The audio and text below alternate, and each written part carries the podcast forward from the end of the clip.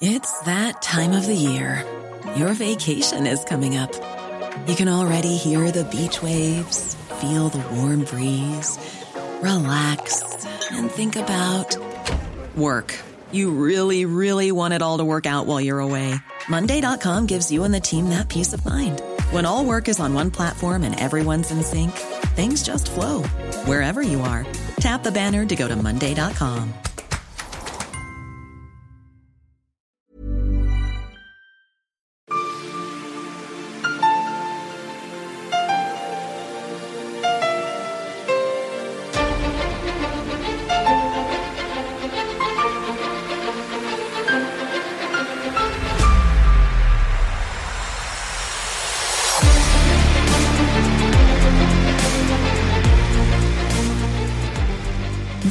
lyssnar på Militärsnack, podcasten där militära saker blir lätta att fatta.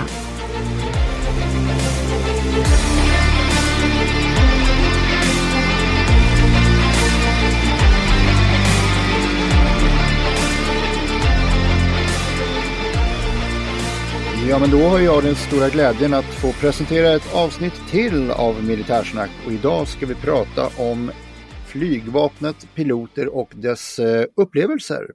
Och jag som pratar, jag heter Henning Svedberg och bredvid mig sitter... Här sitter löjtnant Andersson. Du är så välkommen. Tackar så mycket. Har du noterat där att jag har de senaste två avsnitten kommit tillbaks till det där sättet som jag hälsade eh, lyssnarna välkomna förr? Det har jag inte tänkt på. Nej, men det, det, så gjorde vi med eh, Kai förra gången, att jag lät honom presentera sig som major Rämö. Just det, just det, stämmer. Just det. Du var iväg, du har varit och jobbat. Mm, jajamän, det är fullt, eh, fullt upp. Ja.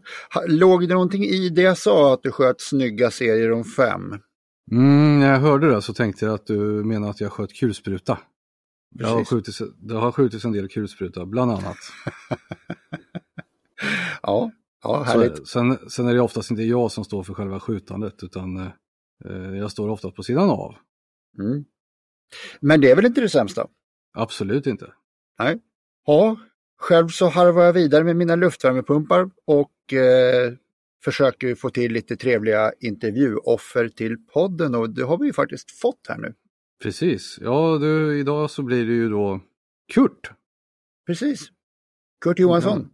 gammal pilot. Jag är ju inte med i intervjun, men jag har ju lyssnat på den eh, vi har anledning att återkomma till det. Men först så ska vi konstatera en sak. Ja, det är ju fredag. Jajamensan. Jajamän. Ja, jag tänkte höra här. Jag vet ju vad jag har i glaset, men jag vet inte vad du har i glaset. Vad har du? Ja, nej, men det vet jag själv och det är ju, det är ju en himla tur. Mm. Och eh, jag har hittat en eh, speciell, eller speciell, men en för mig helt ny öl eh, som heter Sigyn IPA Jaha, från, från Torsöl. okej. eh, ett eh, mikrobryggeri. Och eh, det en, mikrobryggeriet ligger i Mariestads kommun i Västergötland. Okej. Ja. Och den här fanns på Systembolaget i Karlsborg. Aha, aha. Så där hittade jag den här. Och ja, men Sigyn IPA från Torsöl. Eh, 50 centiliters eh, flaska, 5,6 procent, 36,80. Mm. Eh, väl värt de slantarna. Är den i det Eh. humliga aromatiska spektrumet? Ja, men det är den ju eftersom att det är en Ja. IPA, men, men inte alls så som, jag, som, som, som dina värstingar är. Mm. Utan den här, den här var, eh, visst så finns det en tydlig beska, men eh, jag tycker den här var behagligare på så sätt eh, eh, som törstsläckare. Det var mer, du kände de andra smakerna mer. Eh, citrusskal, smörkola, Eh, Men det fanns eh, även den här beskan då av, av utomeuropeiskt humle som du så mycket tycker om, som det ska vara i en IPA. Ja. Du, lägg, du lägger orden så bra. Ja, annars är det ju ingen IPA, men som sagt den är inte alls så eh, i, i det humla aromatiska spektrat som, som Henning hade velat haft det. Men den passar mig väldigt bra och jag rekommenderar att testa. Ja, ja, ja. Nog om det, men då hade jag en IPA. Kommer du med en, en ale nu så blir jag ju mäkta imponerad. Det det gör jag. Jag kommer med en mail. jag har hittat en Shepherd's Name som vi var inne på tidigare, hur det nu uttalas. En Bishop Finger. Och det är en Kentish Strong Ale med mycket malt, eh, mycket beska och lite farinsocker och lite torkad frukt, brödtoner och kryddor. Och den här, när jag hade sippat några gånger på den så kände jag att det här är en ny favorit. Mm, den är mm. så jäkla bra. Den, jag, jag tittade på den bara häpet ungefär som att, vad menar du människa? Det var så gott. Jag har inte provat just den där, men Shepherd's Neem, eh, hur det nu uttalas, lägger vi till. Eh, det, det, är den Christmas-versionen som jag har druckit och den är ju fantastisk. Ja, ja. Eh, så gör de lika bra annan öl så förvånar det mig inte alls. Men den är lite lurig, man måste dricka lite av den för att faktiskt eh, förstå dess storhet. Mm, jag tror inte det är ett problem, för både du och jag gillar ju att, att, att dricka öl. Mm. Och är de små får man ta två. Ja, det får man. Så är det. Sen vet inte jag om den där var liten, men en halv liter är ju inte särskilt stor. Så att... Nej, nej. Så är det. Mm. Ja, detta om detta. Jag satte mig, det här är faktiskt tredje gången som jag sätter mig med Kurt och försöker få till en inspelning och vi har haft stora problem med tekniken. Jag har klippt så bra det går och intervjun har sådär ljud men det duger alldeles utmärkt. Jag tycker att det är en fantastisk historia som, som Kurt berättar. Japp. Ja, jag har ju lyssnat på, på intervjun i sin helhet klippt och jag tycker den tycker den är kanon. Mm. Och eh, vi kan ju faktiskt hälsa Kurt välkommen eh, nu. Även fast inte han hörde så har vi ju fått med det. Ja, precis, precis. Han är ytterst välkommen och eh, om inte du har något mer att tillägga så tycker jag att vi släpper på Kurt Johansson. Ringer Kurt. Vi ringer Kurt. Ja, med oss har vi Kurt Johansson. Du är eh, pensionerad pilot i flygvapnet du. Jaha, det stämmer det. Jag har avverkat några år där. Ja, vad har du flugit för flygplan i tjänst? I tjänst som skarp pilot har jag flugit Draken under 6-7 år. Och sen flög jag Viggen, jakt, eh, huvudsakligen jaktviggen 16 år och sen har jag flugit Super Puma på slutet, räddningshelikopter. Just. Berätta vad, lite grann om dig själv först. Ja, jag är uppväxt i klorofyllen eh, i södra Östergötland, eh, ett par mil utanför den stora hamn och sjöfartsstaden Mjölby. Ja, eh, det var lite skämtsamt. Den är väl varken hamn eller sjöfartsstad, men, men en stad var det i alla fall. Ja.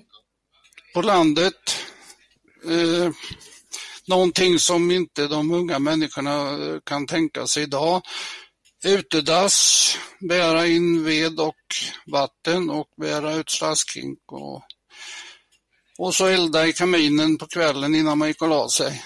Ja. Det, lite annorlunda. Ja, och sen ifrån den barndomen då i vad nästan får kalla vara lite fattigdomsaktigt, om man säger så, jämfört med dagens eh, mått, så hamnar du i det mest moderna man kan göra på 70-talet. Ja, egentligen ville jag söka som pilot redan eh, i 16-årsåldern, men ja.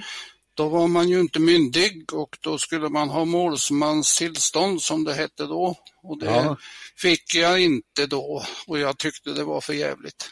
Men, mamma, förlåt, ja. mamma ville inte att du skulle flyga helt enkelt? Nej, jag förstår efter några år så när man hade läst på haveristatistiken och så där så förstod man ju varför. Ja. Men är man 16 år så är man ju odödlig. Ja. Be bevisligen har du varit det hittills i alla fall.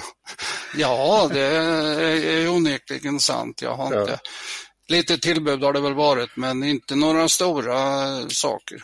Nej, vi ska komma in till tillbuden om en liten stund. Jag tänkte, hur kom du in till flygvapnet? Hur gick det till? Det var så här att eftersom jag inte fick bli pilot så skulle jag göra något med flyg. Så jag sökte och kom in på en uh, verkstadsskola, yrkesskola i Västerås där mm. man utbildade flygmekaniker. Ja. Så 1965 flyttade jag upp till Västerås och så efter ett par år skulle jag ut och praktisera, hamna på försökscentralen i Linköping uh, och vidare ner till Bulltofta, Malmö där jag också jobbar som flygmek. Ja. Sen kom jag in i lumpen Och så var vi uppe i, eh, på en övning i Boden, eller utanför Boden. Basen heter Heden och där är, satt vi och drack grogg. Det fick vi ju inte göra men, som värnpliktiga, men det gjorde vi en kväll och så var, började vi prata om dagens övningar och så var det någon som sa att åh, vilken tuff sväng de gjorde där. Ja, jag hade tänkt att bli pilot, sa jag. Mm. Det skulle du aldrig klara, sa de. Och där såddes det ett frö. Och ja. Eh, det var ju lite tändvätska samtidigt som jag kom på att vad fan nu när jag gör lumpen så då har jag ju all tid i världen. Och nu är jag ju myndig så nu kan jag ju bestämma själv också om jag får bli pilot. Just. Och sen rullade på ansökningshandlingar in och så till, upp till F13 och skriva ett intelligenstest eller mm. något liknande. Och så efter ett par veckor, tre veckor kanske, blev jag kallad till Stockholm. Ja. Var där uppe i tre dygn. Eller tre, tre dagar var det väl, men ett par övernattningar. Var det fysiska tester intelligenstester och alltihopa ja. där då? Ja, det var hur mycket som helst. Och, och mättes och vägdes och synen och hela kittet. Prata med en uttagningsofficer, prata med en psykolog. Ja. Mm. Så, jag kommer inte då, ihåg så. Ja, lite, lite vanliga, alltså sådana här koordinationsövningar och sånt med. Mm, mm. Och då fick du sen till slut flyga Saab Safir om inte jag minns fel. Ja, det, jag började min karriär med Saab Safir och eh, vi flög ju under de första veckorna så flög vi ju då eh, ungefär 10-12 timmar och det, det ledde fram till att den läraren man hade skulle bedöma att den här snubben skulle jag våga släppa ensam. Mm. Och sen så när det var klart så blev ju diverse folk avskilda. Ungefär halva gänget blev avskilda. Och resten, om de hade studentexamen kunde de bara flyga direkt. Hade de inte det så fick de läsa antingen ett eller två år på Herrevalls kloster, mm. civila, civila ämnen. Eh, sen eh, under den tiden då så bytte man det lätta skolplanet på Ljungbyhed så eh, jag gjorde grundutbildningen på Bulldog, mm. alltså SK61 kallade vi den i vapnet. Och sen eh, blev det Saab 105 SK60. 35 timmar på den lilla och eh, 135 timmar på den lite större då. Eh, jag flög ensam första gången med, med Bulldoggen då. Ja. Det gör man bara en gång i livet, flyger ensam och det är det man kommer ihåg. Att ja. När läraren klev ur så satt man där själv och Ja. Hur var den känslan? Ja, den var enorm. Det, mm. det, ingen kan ju hjälpa mig när jag flyger runt fältet där utan nu måste jag tro på mig själv. Mm.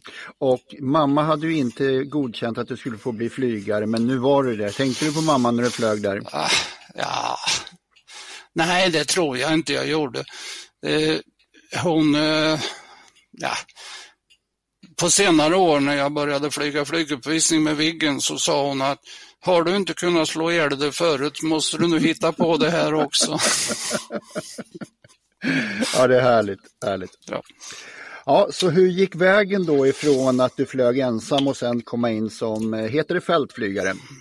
Det hette fältflygare på den tiden, ja. Så tanken var ju att en sån snubbe som jag skulle vara i flygvapnet sex år och åtta månader Eh, eventuellt tillägg ett eller två år om det fanns behov. Mm. Så att sen skulle jag ju utbildat mig till tandläkare, läkare, tagit ett civilt flygjobb eller blivit lantbrukare. Jag menar, valen var ju många. Man fick, tjänade ju ihop eh, 24 månadslöner tror jag eller något sånt där, eller maximalt 48. Eh, så, som man kunde då använda istället för att ta studielån. Mm. Men när du säger att du skulle bli tandläkare, är det höga vinet som du är ute efter av snabba... ja, nej, alltså det var väl rent generellt så det var faktiskt folk som blev, eller gamla piloter som blev läkare och tandläkare och sånt där. Mm. Och no, någon blev präst. Liatorpan var ett känt namn. Han, han var sen flottiljpastor på F17 där jag var. Ja, ja. Ja, det är väl bättre att ha ett, ha ett kors på kavajslaget än att ha det på vingen i alla fall va?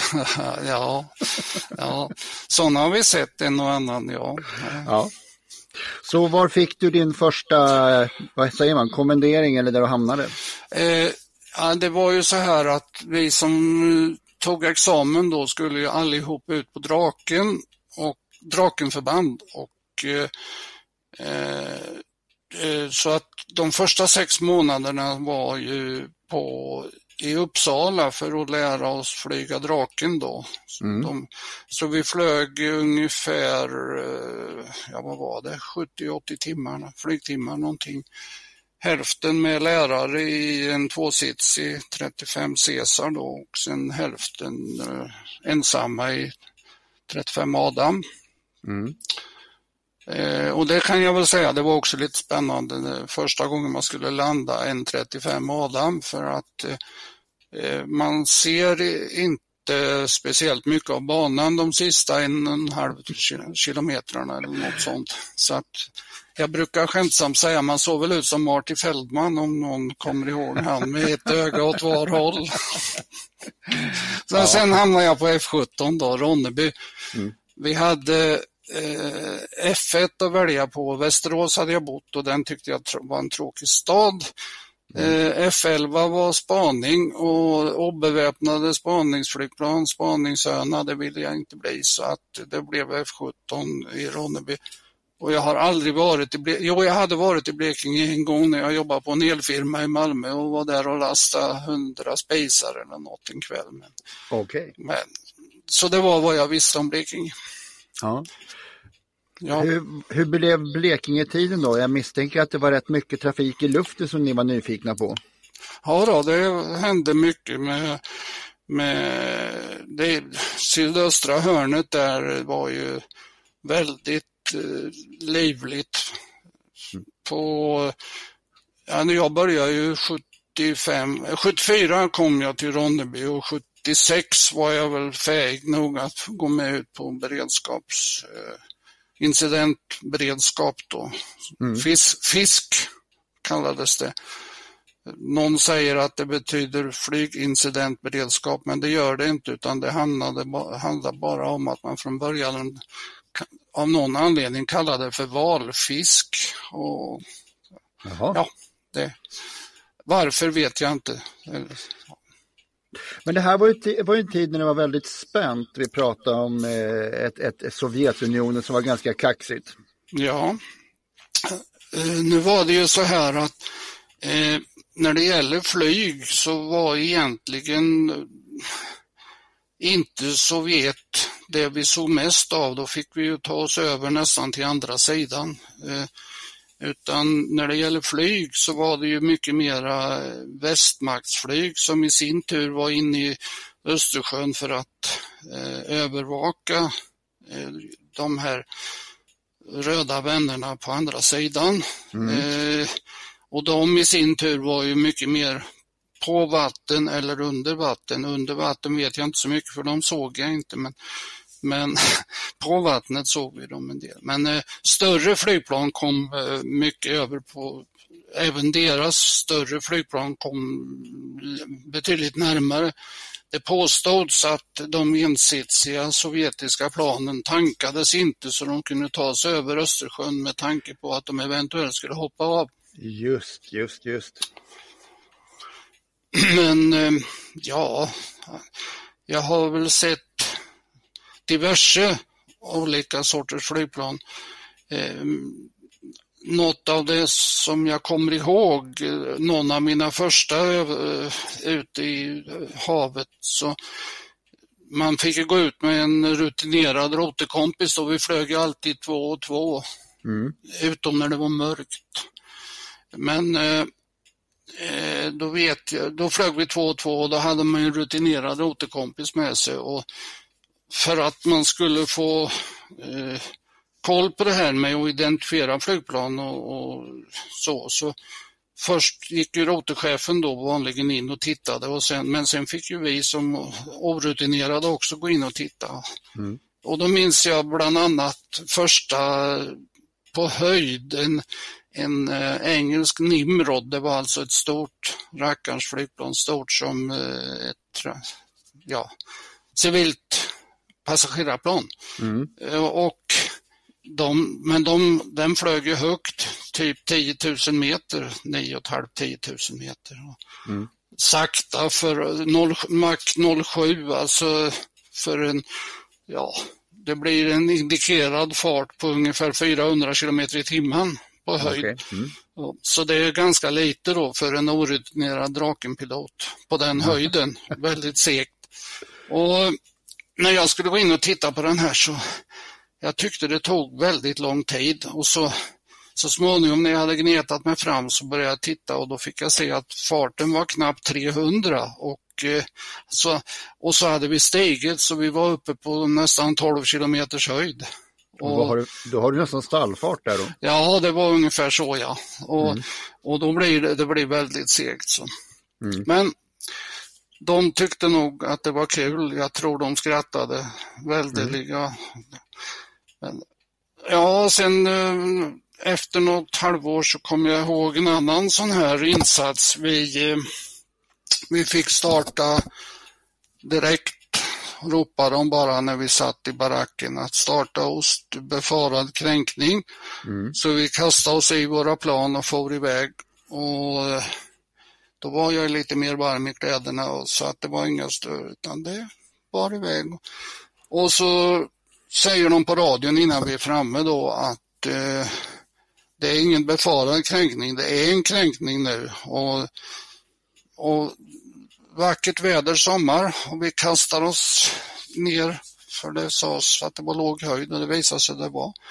Det var en västtysk Phantom, då en spaningsphantom som eh, han passerade alltså över Ölands södra udde då, fyren, när Jaha. vi kom. Så det var liksom helt solklart att det var en, en grov kränkning. Ja. Och vi sladdade in där och rotechefen anslöt på höger sida och jag precis på väg in på andra sidan när då började det ryka bakom och sen så tänds då EBK. Men i den vevan, de är två i en Phantom normalt sett och i den vevan så vrider den som sitter i baksätet och bakre cockpit. Han vrider på huvudet och tittar ut och får se mig och då sen då släcker de ner och sen går de med 600 km i timmen rakt söderut. Ingen tittar ut mera. Nej. Och, och, men när, när vi, innan vi kom hem så fick vi höra att Västtyskland hade redan beklagat den kränkningen.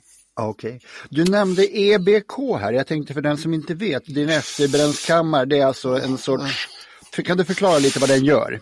Ja, eh, det, då eldar man ju fotogen med så man ökar bränsleförbrukningen till det dubbla ungefär samtidigt som eh, prestanda, alltså fartökningen blir ju extrem jämfört med bara att använda den vanliga motorn då. Alltså det, det är, mer, det är mer än turbo. Men, det, är mer, det är mer än full gas? Ja, väldigt mycket mer. Ja, ja. ja fascinerande. Ja. ja. Men, ja. men du, du stötte väl också på något, på, något eh, från östblocket, något polskt eller ryskt flygplan? Ja, då, oh ja. Det, eh, en som jag kommer ihåg som var kul, det var faktiskt, eh, då var jag ganska långt ut, eller vi.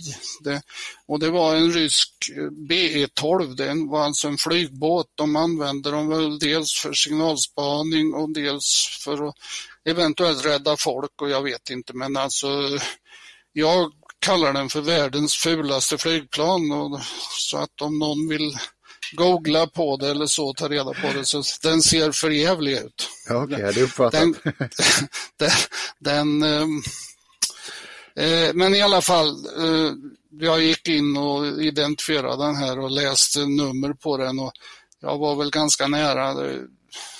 Vi hade ju bestämmelser, militära flygplan 100 meter och eh, eh, civila flygplan 300 meter. Och 100 meter mot en militär gick väl an, men 300 meter mot en civil, där kan man ju inte läsa några beteckningar. Nej. Men eh, ja, det löstes normalt sett. Men den här B12 i alla fall, de hade öppnat, de hade en stor lucka på bakkroppen och där stod det folk. Eh, och någon av dem vinkade att jag skulle komma närmare och komma fram så de kunde se mig tydligt. Och, och sen i den vevan så kommer det alltså fram någon med en kamera. Jag har aldrig sett en så stor kamera. Han hade Nej. stativ eller en stolpe som han höll. Och sen var den, alltså den var säkert en meter lång och såg ut som en jättestor bergkamera. Ja. Så, så jag kom fram och sen drog jag av mig masken så de skulle få se ansiktet på mig också. Så, så möjligen sitter det en förstorad Kurt Johansson på någon vägg i Kreml med alla porrmaskar synliga. Underbart härligt. Ja, kul. Men det, sen var det ju, ja, någon gång var vi ute och såg nya ryska flygplan som man inte hade sett förut. Eh, I alla fall inte i någon större omfattning och det var en, eh, en sommarkväll. Och vi var, det var bara någon timme kvar till vi skulle gå hem. Så eller gått av beredskapen och så blev vi utkallade och då, då var de nog, det var nog en 30-40 flygplan och de gick i den normala formeringen som ryska flygplan, bombflygplan brukar göra. Tre och tre och så några kilometer emellan. Och det är första gången tror jag som, eh, vi hade ju handkamera med i flygplanet så vi kunde fotografera. Och det är första gången tror jag jag har tagit slut på filmen. Så att det, Okej.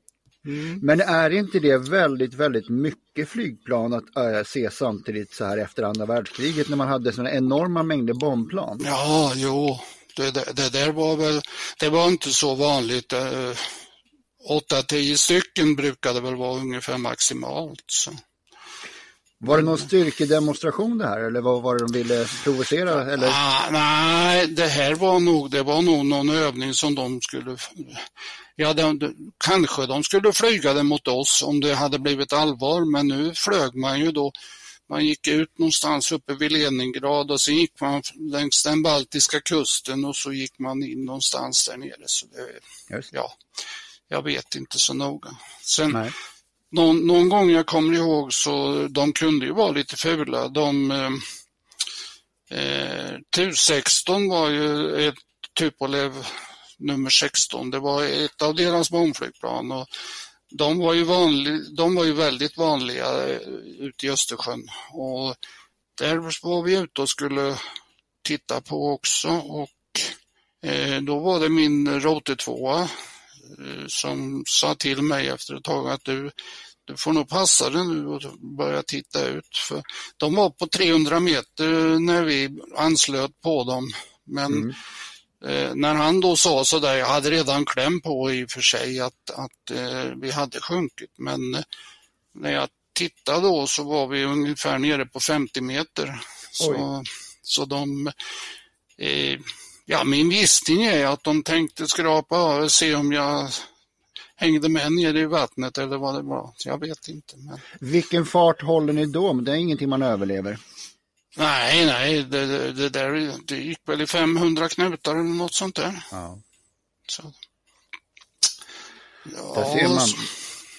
Sen finns det ju, det finns ju kul civila incidenter också. Det var någon Beechcraft, alltså vi, det, visste vi ju inte innan vi kom fram, men eh, okänt företag, Östergotland, låg fart, låg höjd.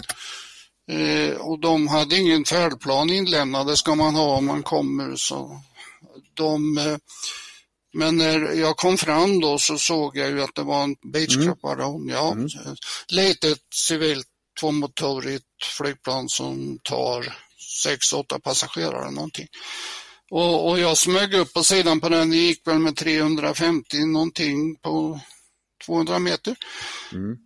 Och jag anslöt på den och kunde läsa siffrorna på den som jag, så det var väl närmare än 300 meter. Men i alla fall, helt, helt plötsligt så håller flygplanet på att välta och så är det fullt med ansikten i fönstret åt det hållet där jag är. Så då, då har alla passagerarna där bak fått se att det låg en Viggen bredvid. Ja. Så, så de här stackars piloterna spillde väl ut kaffet i framsätet kanske, ja. jag vet inte. men, men när du säger att du var på 200 meters höjd, vad sa du, 250 km i timmen eller 350? Ja, 350 ja. Du landade väl i 270 med, med en Viggen? Ja, ungefär så. Då är det väldigt nära vad du, vad du klarar av att flyga, flyga i, i låg fart. Ja, alltså jag flög uppvisning sen och eh, låg fart med en någorlunda lätt Jaktviggen. Jag hade 180 när jag oj, oj. gjorde lågfartspassage. Så, eh, däremot med, med draken är det lite mera giftigt. Ja. Att, att gå under 300, absolut. Ja, just, just. Fascinerande. Ja. Eh, jag har också en som, eh, den var ganska kul, men det var ingen incidentberedskap. Men jag kom hem, jag flög ett kort tag spaningsflyg och jag flög spaningsviggen ett år ungefär och kom hem till Ronneby och skulle landa och så säger de, har du något bränsle? Ja, jag har. Kan du gå bort och titta för vi har en liten civil som har flugit här genom kontrollzonen utan att prata med oss. Mm. Och nu är han på väg bort mot, på den tiden var det alltså militärt skyddsområde från Göudden som ligger ganska nära Ronneby och så ända bort mot Karlskrona. Och eh, jag flög ut och lyckades väl ansluta på den snubben också och, och läsa på den. men sen när jag flög och han tittade väl ut. Och sen när jag flög mot fältet för att landa så då hängde han på mig. Jaha. Och sen när jag hade dusch, höll på att duscha eller något, då ringde de från flyglederiet och sa att nu har han landat här utan att prata med oss. Men och sen, sen eh, en kvart senare fick jag reda på att det första han hade gjort när han hade öppnat huven, eh, när räddningsstyrkan kom fram så sa han, var är jag? Jaha. Han visste alltså inte var han var. Han, det var en, en eko, första ekoflygningen tydligen ut på någon typ av navigering från Jönköping och han skulle till Oskarshamn och hade alltså hamnat i Ronneby så att ehm, ja, vi hade väl lite synpunkter på att det var kanske för tidigt att släppa honom ensam ut och det visade sig att han fick ta in på hotell och nästa dag så kom det ner en instruktör och hjälpte honom att flyga hem till Jönköping mm. igen. ja. du, du, nämnde inledningsvis att det var något eh, nära att det, att det gick illa några gånger. Har du någon sån? There's never been a faster or easier way to start your weight loss journey than with plush care. PlushCare accepts most insurance plans and gives you online access to board-certified physicians who can prescribe FDA-approved weight loss medications like Wigovi and Zepbound for those who qualify. Take charge of your health and speak with a board-certified physician about a weight loss plan that's right for you. Get started today at plushcare.com slash weight loss. That's plushcare.com slash weight loss. plushcare.com slash weight loss. Hiring for your small business? If you're not looking for professionals on LinkedIn, you're looking in the wrong place. That's like looking for your car keys in a fish tank. LinkedIn helps you hire professionals you can't find anywhere else, even those who aren't actively searching for a new job but might be open to the perfect role. In a given month, over 70% of LinkedIn users don't even visit other leading job sites. So start looking in the right place. With LinkedIn, you can hire professionals like a professional. Post your free job on linkedin.com slash people today. Eh, ja, det är klart att, att uh, nära kollision har det väl varit någon gång. Uh, som jag inte precis kommer ihåg, men, men jag kommer ihåg att vi, vi filmade ju vi fick ju inte skjuta på varandra och det var väl bra det. Mm. Men eh, vi filmade ju eh, till exempel från 35 vet jag, sen när de rättade filmen, eh, min nakenfilm då, som jag hade filmat på en som jag var cirka 300 meter bakom, då på ett, två rutor så ser man att det passerar ett flygplan på, mellan oss som ingen av oss hade sett. Okay. Så det, det var nog jävligt nära. Men mm. ja, det gick ju bra. Ja, tur det. Och, ja, och sen ja, lite fåglar och lite så här och som sagt var. Eh, ja, Vad gör Ja. du om, om du kör på, vi säger att det är en mås eller en kråka, något som är lite större? Det, vad händer? Ja, om det tar i vingen eller i en mot...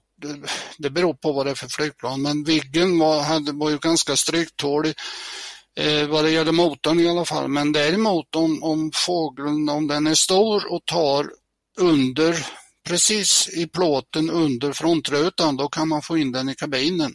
Det är inget bra. Det är inget bra, nej. Det finns de som har provat det och det, nej. Och sen, man kan alltså slå hål i frontrutan på ett flygplan också. Jag vet att jag flög rote med en, en kille som numera sedan många år är i civilflyget, men eh, vi flög breddat som det heter med 3-4 kilometer mellan flygplanen på 50 meters höjd i Kalmarsund. Och farten var väl 1100, 1150 någonting. Och eh, helt plötsligt, han har precis tryckt in knappen och ska säga något på radion. Alltså man hade en knapp på styrspaken som man tryckte på bland annat eh, för att kunna prata. Och när han har tryckt in den och ska så hör jag ett djupt andetag och samtidigt en kraftig smäll och när jag tittar ut på hans flygplan så ser det ut det är alltså en vit fjäderboll i luften. Alltså han har kolliderat med en mås. Och det var några långa sekunder innan han då hade släppt knappen igen så jag kunde, för han, han eh, handlade väl bara, alltså han satt och höll kvar knappen och andades. Så när han hade släppt ut den så kunde jag fråga, hur gick det? Mm. Jo då, det gick bra, sa han. Det, det blåser lite, sa han, för det är ett litet hål i huvudet. Men, men så, ja, steg och så flög jag bort.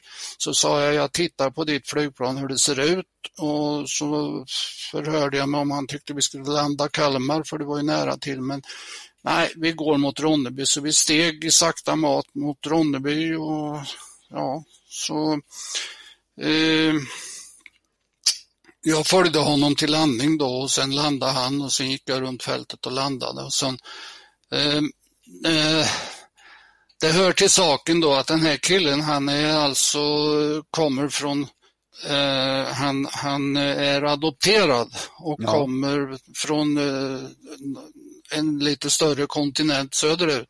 Ja. Och, eh, men han är uppvuxen i Danmark och har hamnat i Sverige av någon anledning som jag inte kommer ihåg. Men han, han är alltså ganska mörk i hyn. Mm. Men när han klev ur på plattan så, så var han ganska blek. Och så sa jag, men för fan Micke, om du ska bli vitare än, än, eller lika vit som jag är så behöver du väl inte hålla på så här. För vi hade ju en ganska rå men hjärtlig jargong emellanåt så det, det var inget som han tog illa vid sig. Nej, jag förstår. ja. Jo då, nej, men ehm, nej, annars, jag vet inte. Jag har inte haft några... Jag vet att jag hade en motor som mådde illa på en drake med mörkerflygning över Småland och, och jag kan väl säga att är det någonting som jag inte vill ha så vill jag inte behöva hoppa över Småland och mörker. Nej. För, för att eh, hamna med rumpan före på en stubb i ett kalhygge eller en sten eller något där. Det, det är mycket bättre med vatten under i så fall. Det, det har sina problem med. Men i alla fall, jag satt där och hade gått mål, eh, det vill säga agerat eh, målkorv eller fiende eller vad du vill ma- till en annan då som hade anfallit mig och sen bytte vi. Och när jag då drog på gas eh, för att öka farten så började det rycka i flygplanet så jag åkte fram och tillbaka ungefär som ett eh, litet, ja vad man nu ska säga, en hackig bil. Och oj, vad är det nu? Och jag drog fram och tillbaks med gasen lite försiktigt och det fanns kvar. Och jag sa ju då till kompisen att, och till stridsledningen att jag avser avbryta gå mot Ronneby för att eh, och, ja, det här kändes ju inte bra. Eh, Så det var ju, men jag tog ut, sjönk till 2000 meter och tog ut landstället och det kändes ju som att den möjligen skulle kunna hålla farten eh, så att jag skulle kunna landa. Eh, men eh, jag sjönk vidare och hade begärt landning på Ronneby och berättade att jag hade problem och att det eventuellt skulle bli fråga om utskjutning. Men det visade sig när jag kom ner på lägre höjd så räckte effekten till och den, den ryckte inte så mycket. Och jag landade. Nå, något svettig i pannan var jag väl. Mm. Sen har jag alltid haft den förmågan att så fort någonting har gått över så, så är det lugnt. Så, men då visade det sig att det var alltså ledskenorna som det heter, de som sitter längst fram i motorn och ska se till att eh, den får bra med luft i, olika farter eller rätt med luft i olika farter och på olika höjder och sådär. Mm. Och då var oljan slut i den eh, som den regulatorn. Så de stod stilla. Och då okay. var det så här att på höjd så räckte inte luften till men när man kom ner på lägre höjd så räckte den mer än tillräckligt till. Så, ah, okay. så det var inte farligt när vi väl kom ner då alltså? Nej, nej. Det... Men men jag hör ju många gånger när, när flygare råkar ut för någonting så, så, kan vi som inte flyger känna att ni har en sorts is i magen och ett sorts lugn som, som mm. kan förvåna oss. Ja, men det ingår väl i utbildningen och jag vet inte om det har något med att göra vilken typ av dårar de tar ut. Men, men nej, men äh, inte bara så, utan äh, det är ju utbildningen också att äh, Sen har man övat en massa i simulator och så här och ingenting blir ju bättre om man hetsar upp sig utan man måste ju försöka analysera hur gör jag detta på bästa sätt och hur löser jag detta? Och gör man inte det så, så blir det inte bra. Nej. Men, men eh, sen är väl folk olika analytiska. Och har man flugit i några år som, som eh, jag hade gjort då, eh, det där var ju ganska nytt och då var det nog svettigare än det hade varit om det var några år senare. Mm. Men, men eh, ja, jag, jag, tror att det har med att göra och sen man läser om olika haverier och tillbud och så, så att så tänker man på det och hur skulle jag gjort och hur skulle jag kunna göra det bättre eller varför blev det så där? Så, mm. ja. Fascinerande, det är det. Jag har, aldrig, jag har aldrig ångrat mitt yrkesval i alla fall. Jag har njutit nästan alltid. Det. Men då, då har du i stort sett bara erfarenhet som, som flygare då? Eh, ja, det kan man säga. Ja. Du är ingen hoppdotter alltså? Nej. Jag tänkte när du var ute så här till sjöss, och var det någon gång du kom i närheten av rysk jakt som visade något särskilt intresse? Mm, nej, det var inte, det var inte, nej, jag hade nog inte mycket kontakt med rysk jakt. Det kan jag inte påminna mig. Uh, jag hade, det var ju folk från spaningen vet jag som råkade ut, men de var ju, de var ju väldigt uh, provokativa jämfört med våra mått mätt. Alltså de, de, jag har ju varit på, var ju där ett tag med och vi var ju ute och flög mot sovjetiska fartyg borta vid Baltiska, vid, strax utanför territorialvattengränsen och det var lite obehagligt ibland för de, de blåste på oss med, med sin eldledningsradar och kanonpiper som följde oss så här. Så, och vi var väl ute någon gång också med, med jaktflyget ganska långt ut och det var samma sak där. De blåste på med sina eldledningsradar.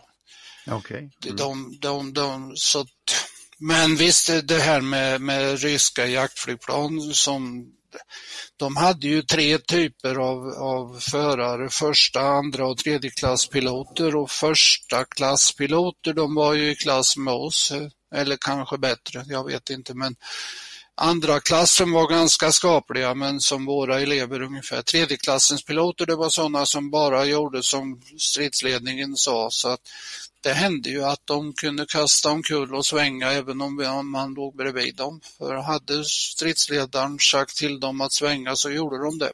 Ja. Så att de var inte att lita på. Västmarksflygplan hände ju att de kurvade runt lite och skojade lite och hade trevligt. Men sen när de gick rakt ut och så kunde man ju lita på att de, att de gick rakt fram. Mm. Vi hade ju, när jag flög på Ronneby någon gång, vi var ute och övade enskild jaktstrid 2.35 och så, så helt plötsligt, vi var ganska nära Ronneby, så 40-50 kilometer söder om. Helt plötsligt var vi tre.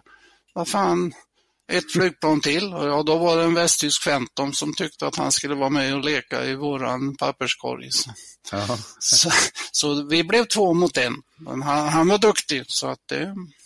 Hur, han, ja, fick, fick, du chansen någon gång att uppleva hur motståndaren var, så att säga var, om du var ute och kurvade lite med någon och känna på hur var västtyskt, polskt och kanske ryskt? Ja, eh, Ja, eh, alltså västmakts eh, tyskarna var ju duktiga på att svänga flygplan. Det var de.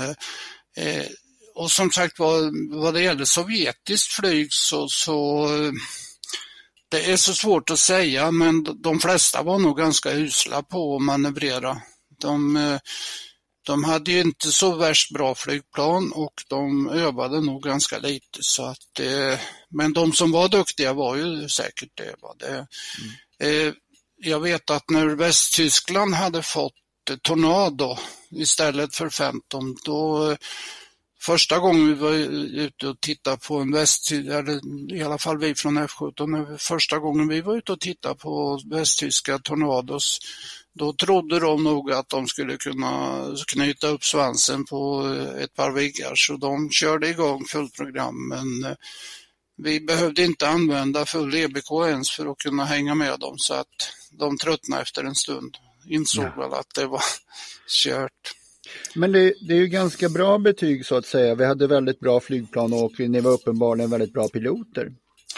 Ja, alltså eh, i omvärlden så vi, vi övade ju ganska, som vi tror, krigslikt. Eh, eh, och det kostade ju en del haverier genom åren, eller har gjort, mm.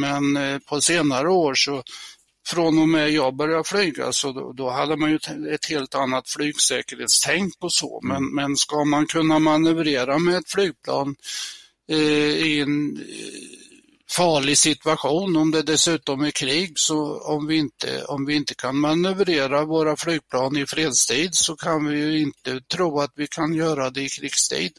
Mm. Eller svårare situationer. Så att det, eh, det gäller väl att, eh,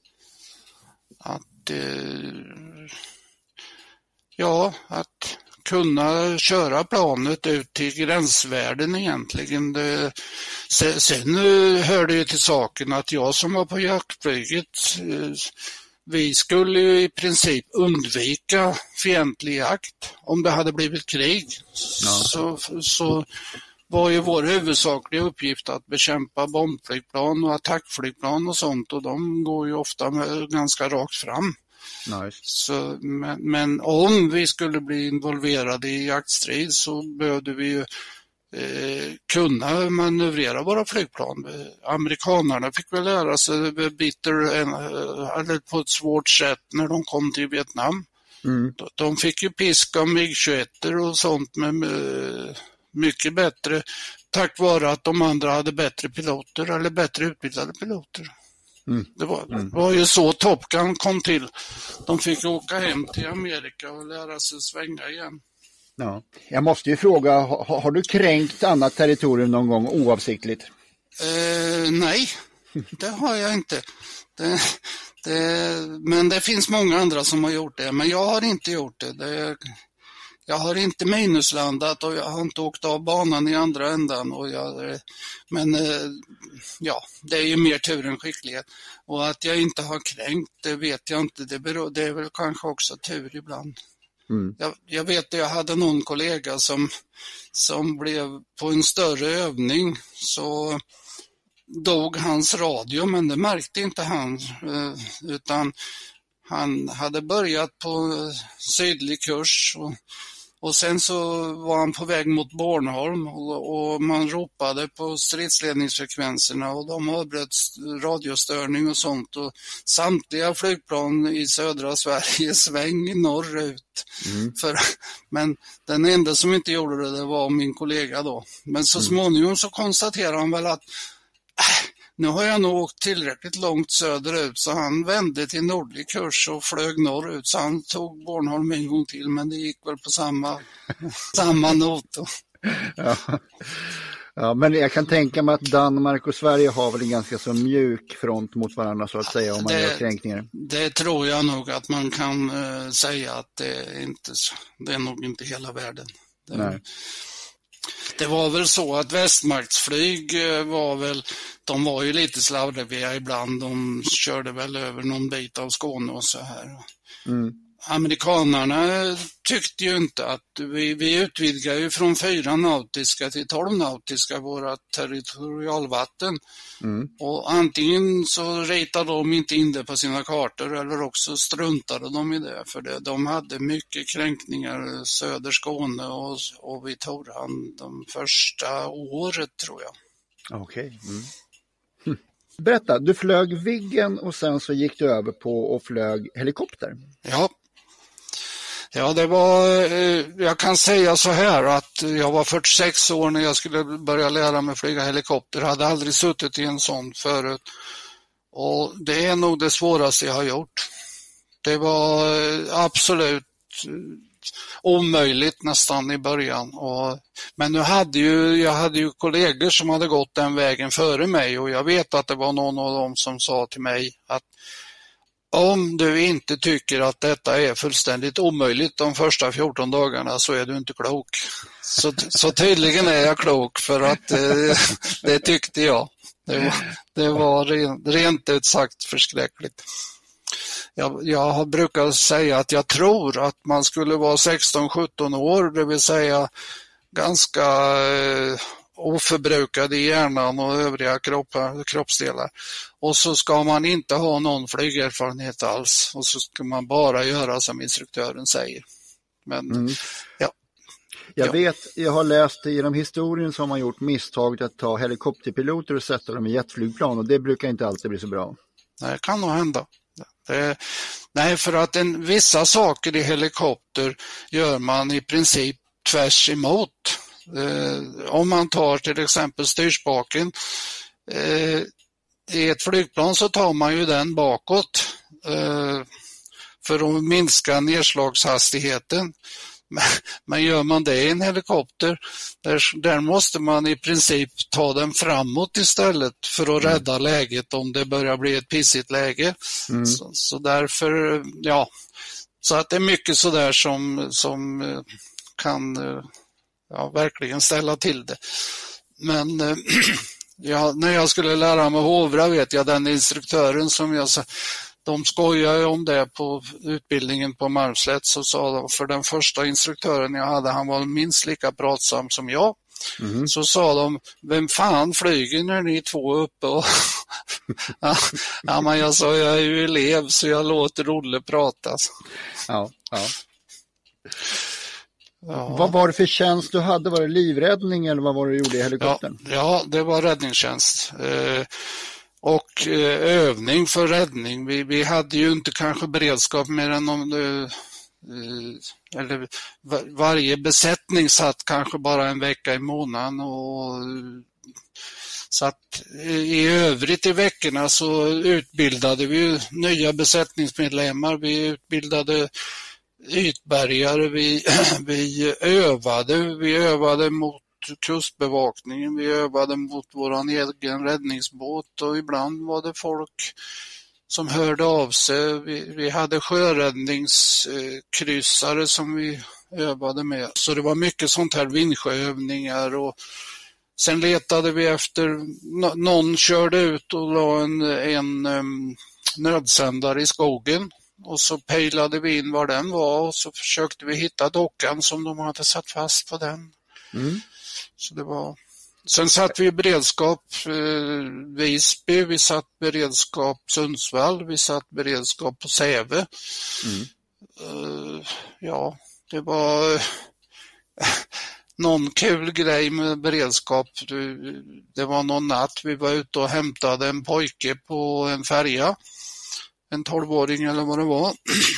Och sen frågade de då jag tror vi hade landat på den färjan så att, ja just det, det hade vi. Och han, så, så ville man ta med någon så kunde de ju kliva rakt ombord bara.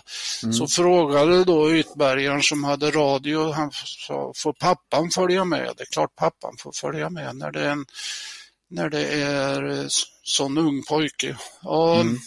Så landade vi vid Östra sjukhuset och så kuperade vi där, alltså stängde av motor, motor, motorerna och rotorn.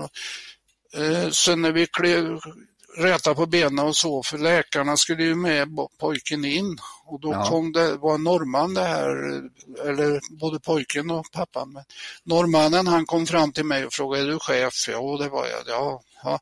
Jag skulle tacka så mycket, sa han. Ja, ja men det, var, det ingår i jobbet, så jag, så mm. det bjuder vi på. Mm. Ja, sa han. Du förstår, vi bor eh, nära flyg, Gardermoen heter det väl i Oslo? Är det ja. ja, vi bor nära där och jag har svurit flera nätter när det har kommit helikoptrar in där, sa han. Men det ska jag inte göra mer. nej, så, nej, så jag kommer de på natten så är det nog så att då har de nog ett skarpt uppdrag. Och, ja. ja. Så, så där frälste jag i alla fall en. Mm. Underbart att höra. ja. Ja, Kurt, när flög du Viggen för sista gången? Eh, det flög jag i ja, slutet på februari 1996. Okej. Okay. Hur kändes det att landa då för sista gången? Ja, det var väl lite, men jag hade väl ställt in mig på att det, nu, någon gång ska det ta slut och, mm. och jag kunde väl fått flugit några pass till men Eh, jag vill inrikta mig på att utbilda mig på superpuman då och, och sen skulle ju yngre förmågor in och lära sig. Så att jag vill inte förbruka mer flygtid eh, Nej. då, utan jag Nej. hade ställt in mig på det.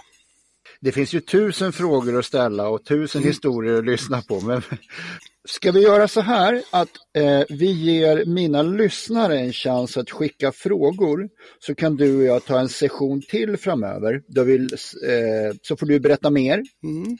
Så jag gissar bra. att du har mer historier att berätta. Mm. Med det Kurt så vill jag tacka så mycket för idag.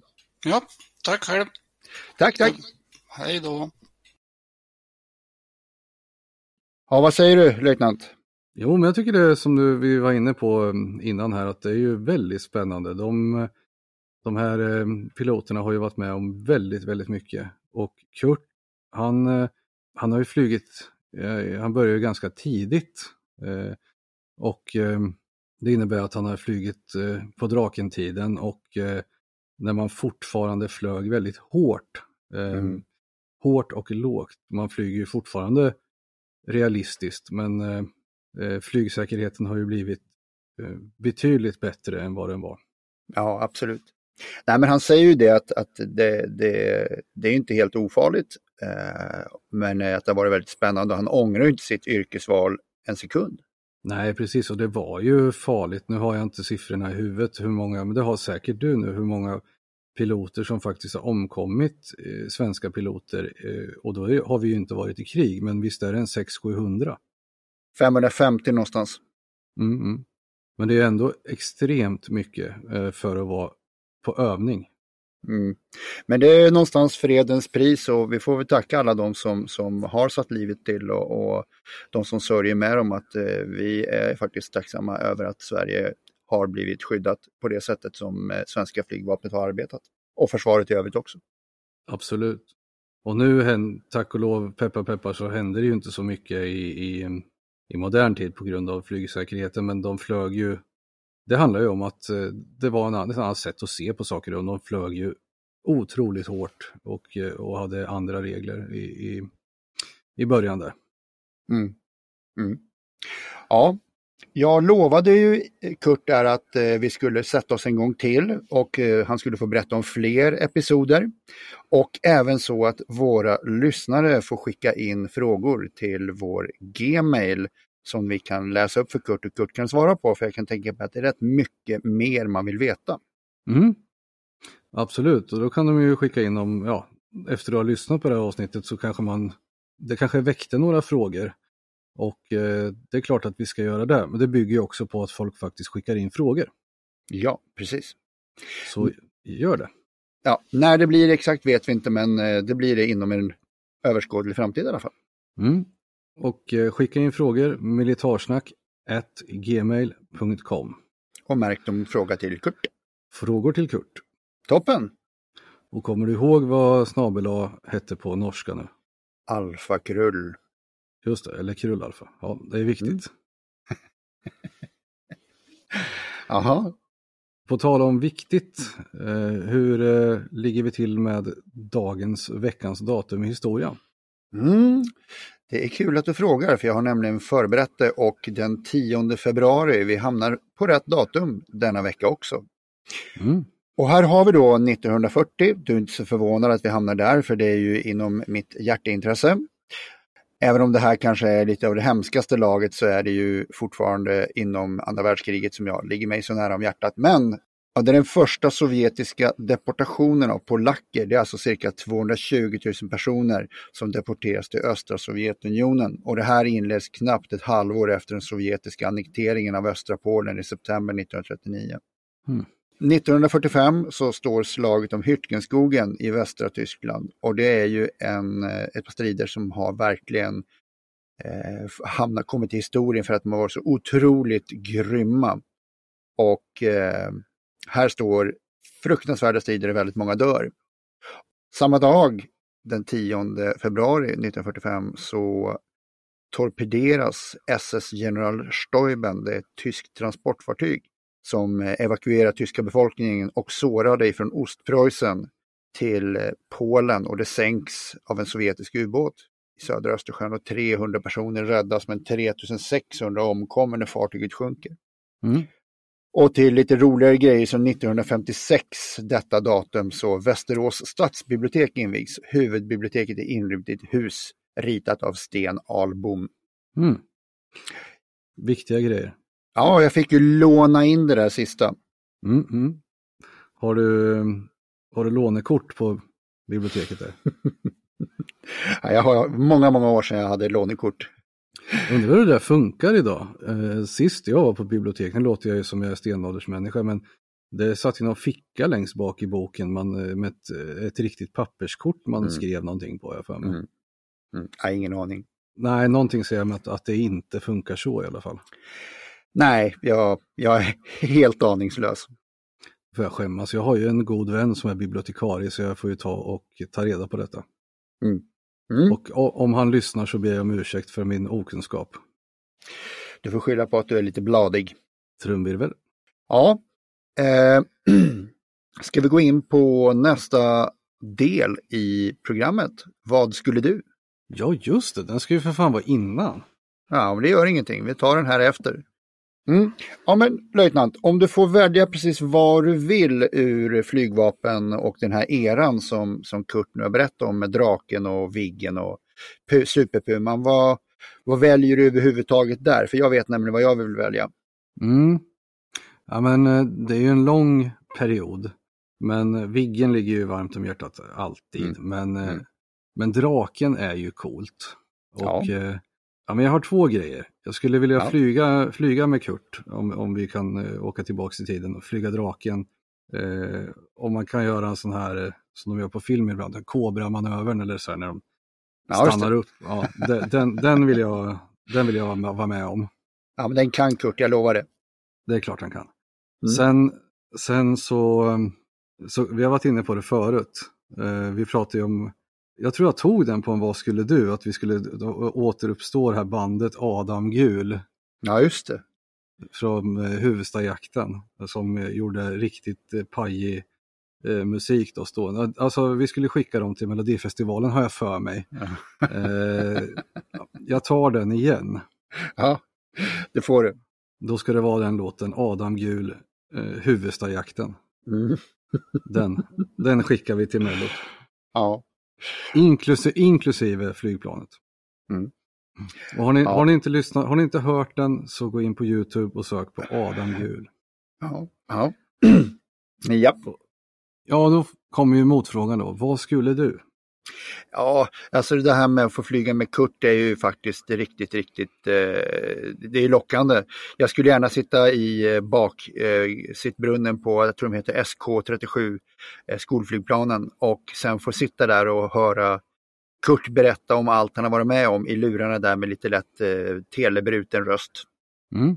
Ni kunde ju stå i, det, det är väl svårt att få, få till det där, men man kunde stå i en hangar och sitta i en dubbelsitsig och eh, då kan man ju till och med dricka en öl samtidigt som man berättar historier.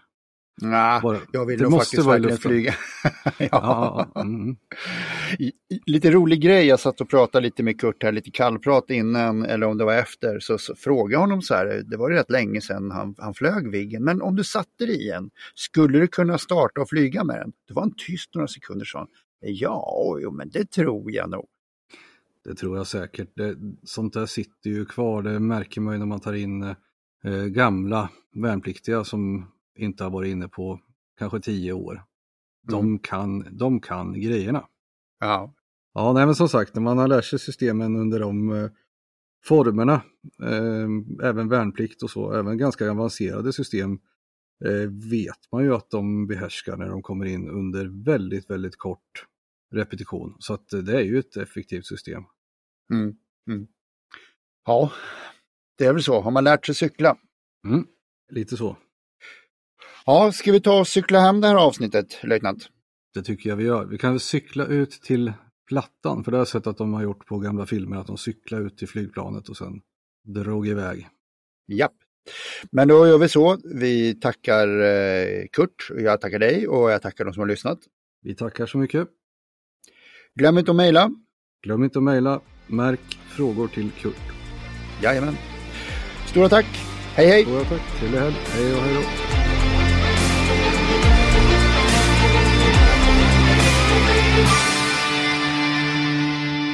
Glöm inte att gilla, dela och gärna prata om vår podd med de vänner du tror skulle gilla den. Tack! When you make decisions for your company, you look for the no-brainers. And if you have a lot of mailing to do, stamps.com is the ultimate no-brainer. It streamlines your processes to make your business more efficient, which makes you less busy. Mail checks, invoices, legal documents, and everything you need to keep your business running with stamps.com. Seamlessly connect with every major marketplace and shopping cart. Schedule package pickups and see your cheapest and fastest shipping options from different carriers. With rates up to 89% off USPS and UPS rates. And with the Stamps.com mobile app, you can take care of mailing and shipping wherever you are. Make the same no-brainer decision as over 1 million other businesses with Stamps.com. Sign up with code PROGRAM for a four-week trial, plus free postage and a free digital scale. No long-term commitments or contracts. That's Stamps.com. Code PROGRAM.